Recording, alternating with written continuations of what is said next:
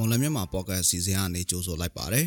2023ခုနှစ်မတ်လ6ရက်နေ့ဒီနေ့ကျွန်တော်တင်ဆက်မယ့်အစီအစဉ်မှာတော့ပြည်သက်တွေစိတ်ဝင်စားပွဲမွန်ပြည်နယ်တရင်ပြည်တွင်းတရင်တွေနဲ့အာဆီယံတရင်တရင်ပေးပို့ချက်ပြည်သူတွေသိထားတဲ့နေ့စဉ်ကုန်စည်နှုန်းတရင်ချို့ကိုအစီအစဉ်ပထမပိုင်းမှာရွေးချယ်တင်ပြသွားမှာဖြစ်ပါတယ်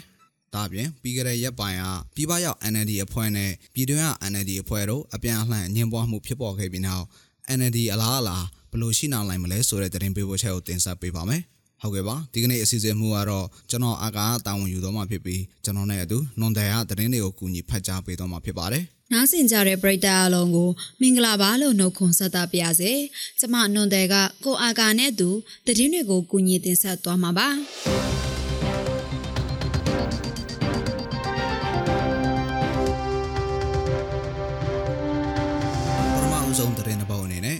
နဲ့ရေမြို့နယ်မှာမကြာခဏမြေမြုပ်မိုင်းနေမိတာတွေဖြစ်နေလို့ခြံလောက်သားတချို့အခက်အခဲဖြစ်လာနေတယ်လို့ဆိုပါတယ်။ရေမြို့နယ်လမိုင်းမြို့မှာ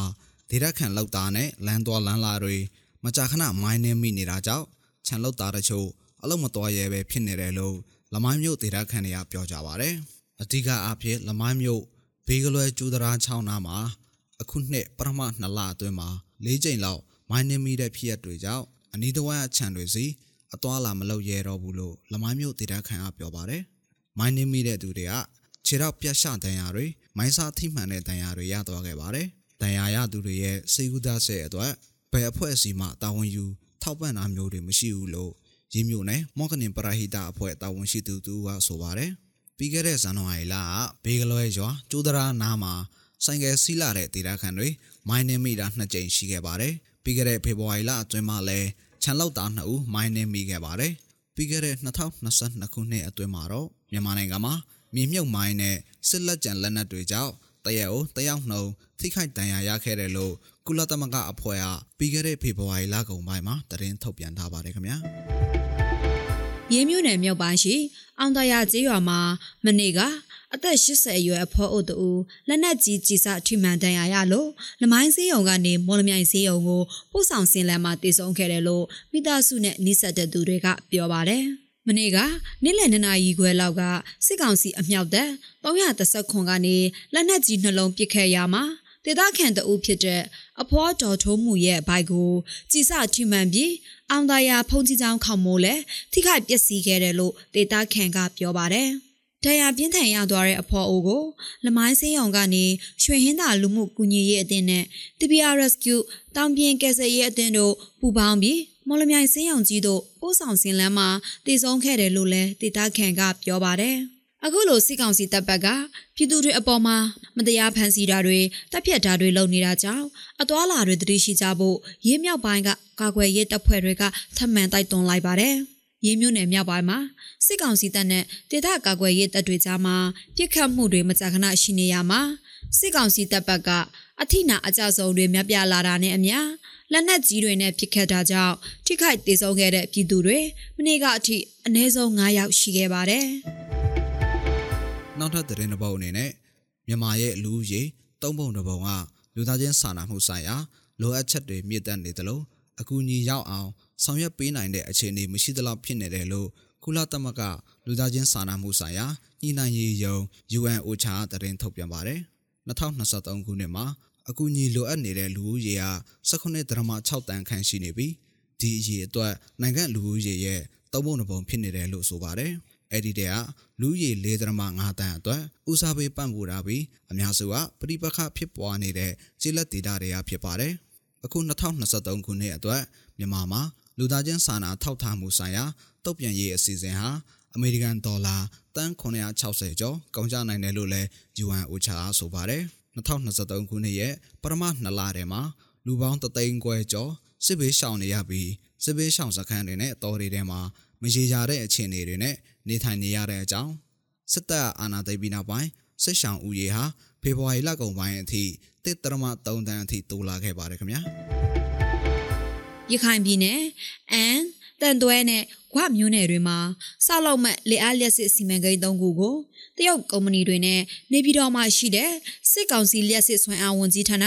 ပြည်ထောင်စုဝန်ကြီးရုံးမှာမက်လအစောပိုင်းမှာတဘောတည်ညီမှုစာချုပ်ချုပ်ခဲ့တယ်လို့စစ်ကောင်စီရဲ့မြမအလင်းသတင်းစာမှာဖော်ပြထားပါတယ်။စစ်ကောင်စီရဲ့လက်စစ်စွမ်းအားပြည်ထောင်စုဝန်ကြီးဦးတောင်းဟန်နဲ့ မြန်မာနိုင်ငံဆိုင်ရာတရုတ်တန်အမတ်ကြီးမစ္စတာချန်ဟိုင်းတို့ဥဆောင်တက်ရောက်ခဲ့တယ်လို့လည်းဆိုပါတယ်။အဲ့ဒီစီမံကိန်းမှာအမြို့နယ်မှာ150မဂါဝက်တန်တွဲမှာ130မဂါဝက်နဲ့ဝမြို့နယ်မှာ100မဂါဝက်ပြုလုပ်သွားမှာဖြစ်ပြီးလာမယ့်2025ခုနှစ်မှာ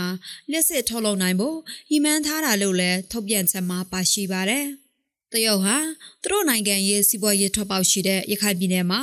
သူတို့ရဲ့ရင်းနှီးမြှုပ်နှံမှုတွေနဲ့လွှမ်းမိုးအောင်လုပ်နေတာဖြစ်ပြီးတရုတ်ရဲ့စီမံကိန်းတွေဟာဒေသခံတွေအတွက်ညှို့လစ်စရာမရှိဘူးလို့လည်းရခိုင်မှာတရုတ်စီမံကိန်းတွေအကြောင်းစောင့်ကြည့်နေတဲ့ကြောက်ဖြူဒေသခံကပြောပါတယ်။မြန်မာနိုင်ငံမှာအခုလိုမတည်ငြိမ်တဲ့ကာလမှာစစ်ကောင်စီအနေနဲ့တရုတ်စီမံကိန်းတွေကိုအခုလိုလက်ခံနေတာဟာ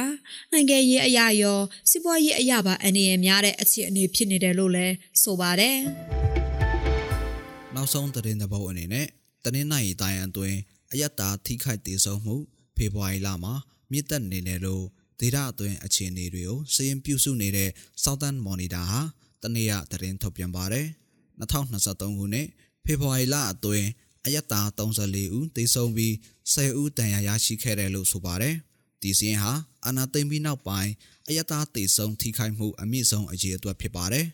2021ခုနှစ်ဖေဖော်ဝါရီလကနေ2023ခုနှစ် ဖေဖော်ဝါရီလအထိအယက်တာ394ဦးသေဆုံးပြီး146ဦးတန်ရာရရှိခဲ့ပါတယ်။လက်နက်ကင်ဆောင်ထားတဲ့အဖွဲ့အစည်းတွေအနေနဲ့အယက်တာထိခိုက်မှုအ ਨੇ ဆုံးဖြစ်အောင်စစ်ရေးကြည့်ဝတ်တွေကိုအသက်နိုင်ဆုံးလိုက်နာသင့်တယ်လို့ Southern Monitor ဆိုပါတယ်။တစ်ဖက်မှာလည်းစစ်တပ်ရဲ့ဖိနှိပ်မှုတွေကြောင့်အကြမ်းမဖက်တဲ့လူထုလှုပ်ရှားမှုတွေတနင်္လာရီတိုင်းအတွင်းရောကြလာတယ်လို့ဆိုပါတယ်ခင်ဗျာ။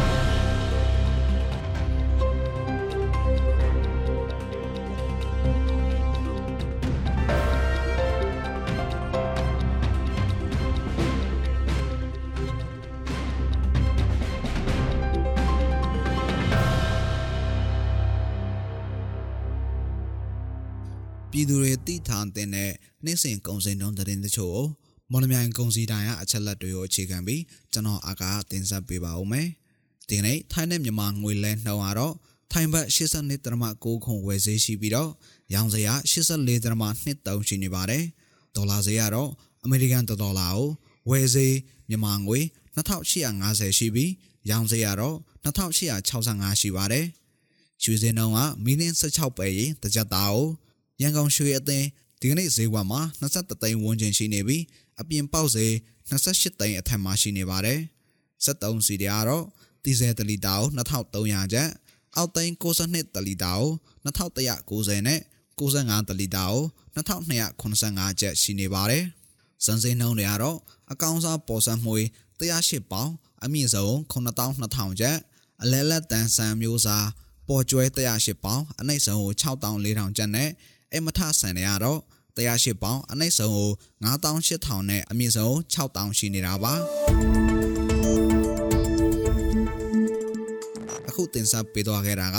မတ်လ6ရက်နေ့မှာဖြစ်ပျက်ခဲ့တဲ့မွန်ပြည်နယ်တရင်ပြည်တွင်းတရင်နဲ့အာဆီယံတရင်တွေအပြင်တနေတာစီစိငွေစိနဲ့ကုန်စည်နှုန်းတွေကိုတင်ဆက်ပေးသွားခဲ့တာဖြစ်ပါတယ်ဆက်လက်ပြီးတော့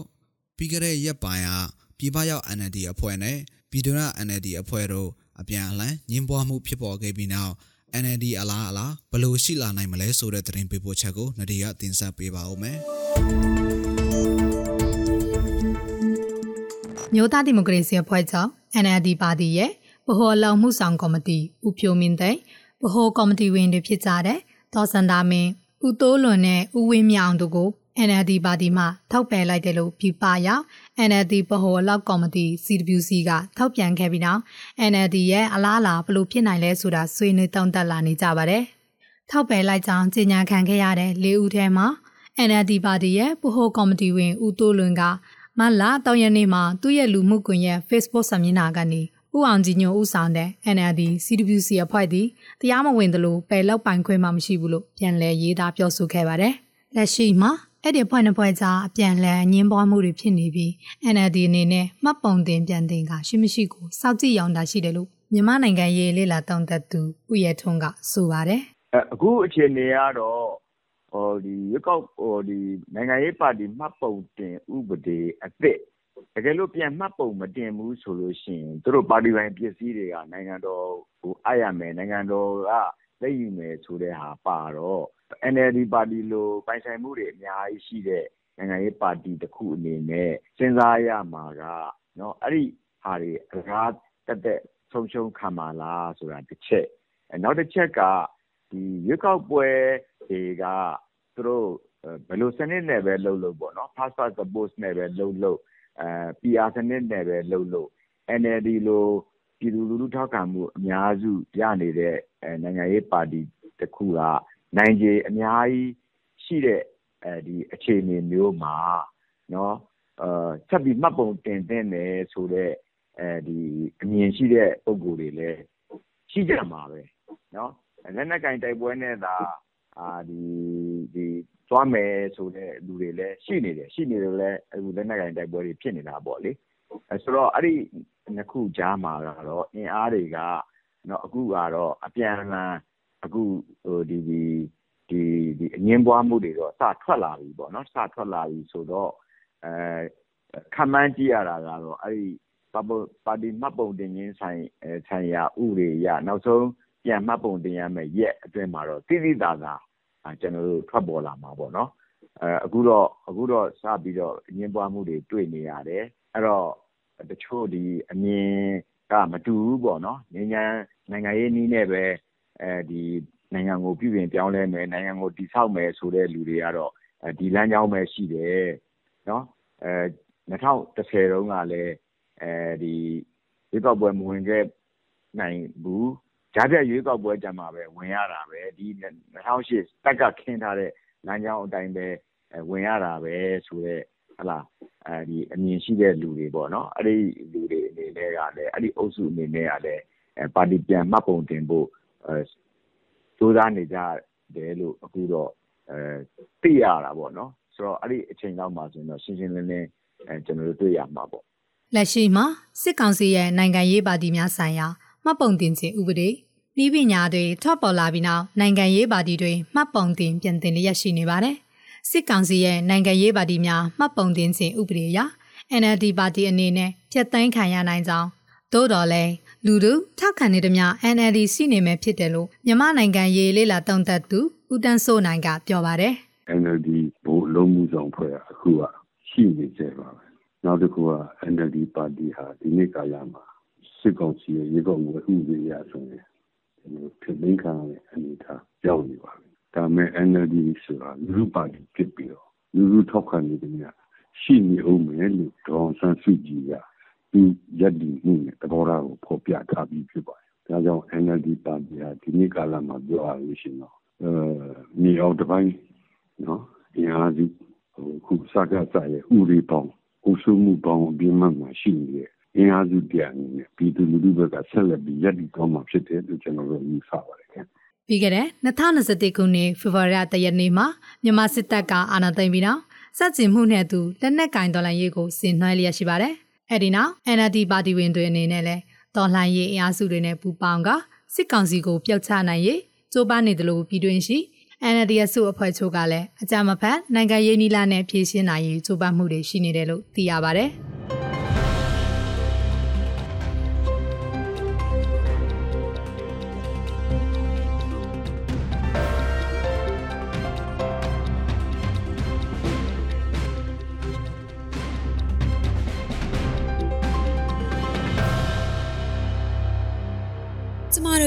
တို့ရဲ့မွန်လိုင်းမြန်မာဖော့ကက်အစီအစဉ်ဒီမှာတင်ပြီးဆုံးပါပြီ။နားဆင်ကြတဲ့ပရိသတ်အားလုံးကိုနောက်နေ့အစီအစဉ်တွေမှာဆက်လက်အားပေးကြပါအောင်လို့ဖိတ်ခေါ်ရင်းဒီအစီအစဉ်ကိုဒီမှာပဲအဆုံးသတ်ပါရစေ။အားလုံးကိုကျေးဇူးတင်ပါတယ်ရှင်။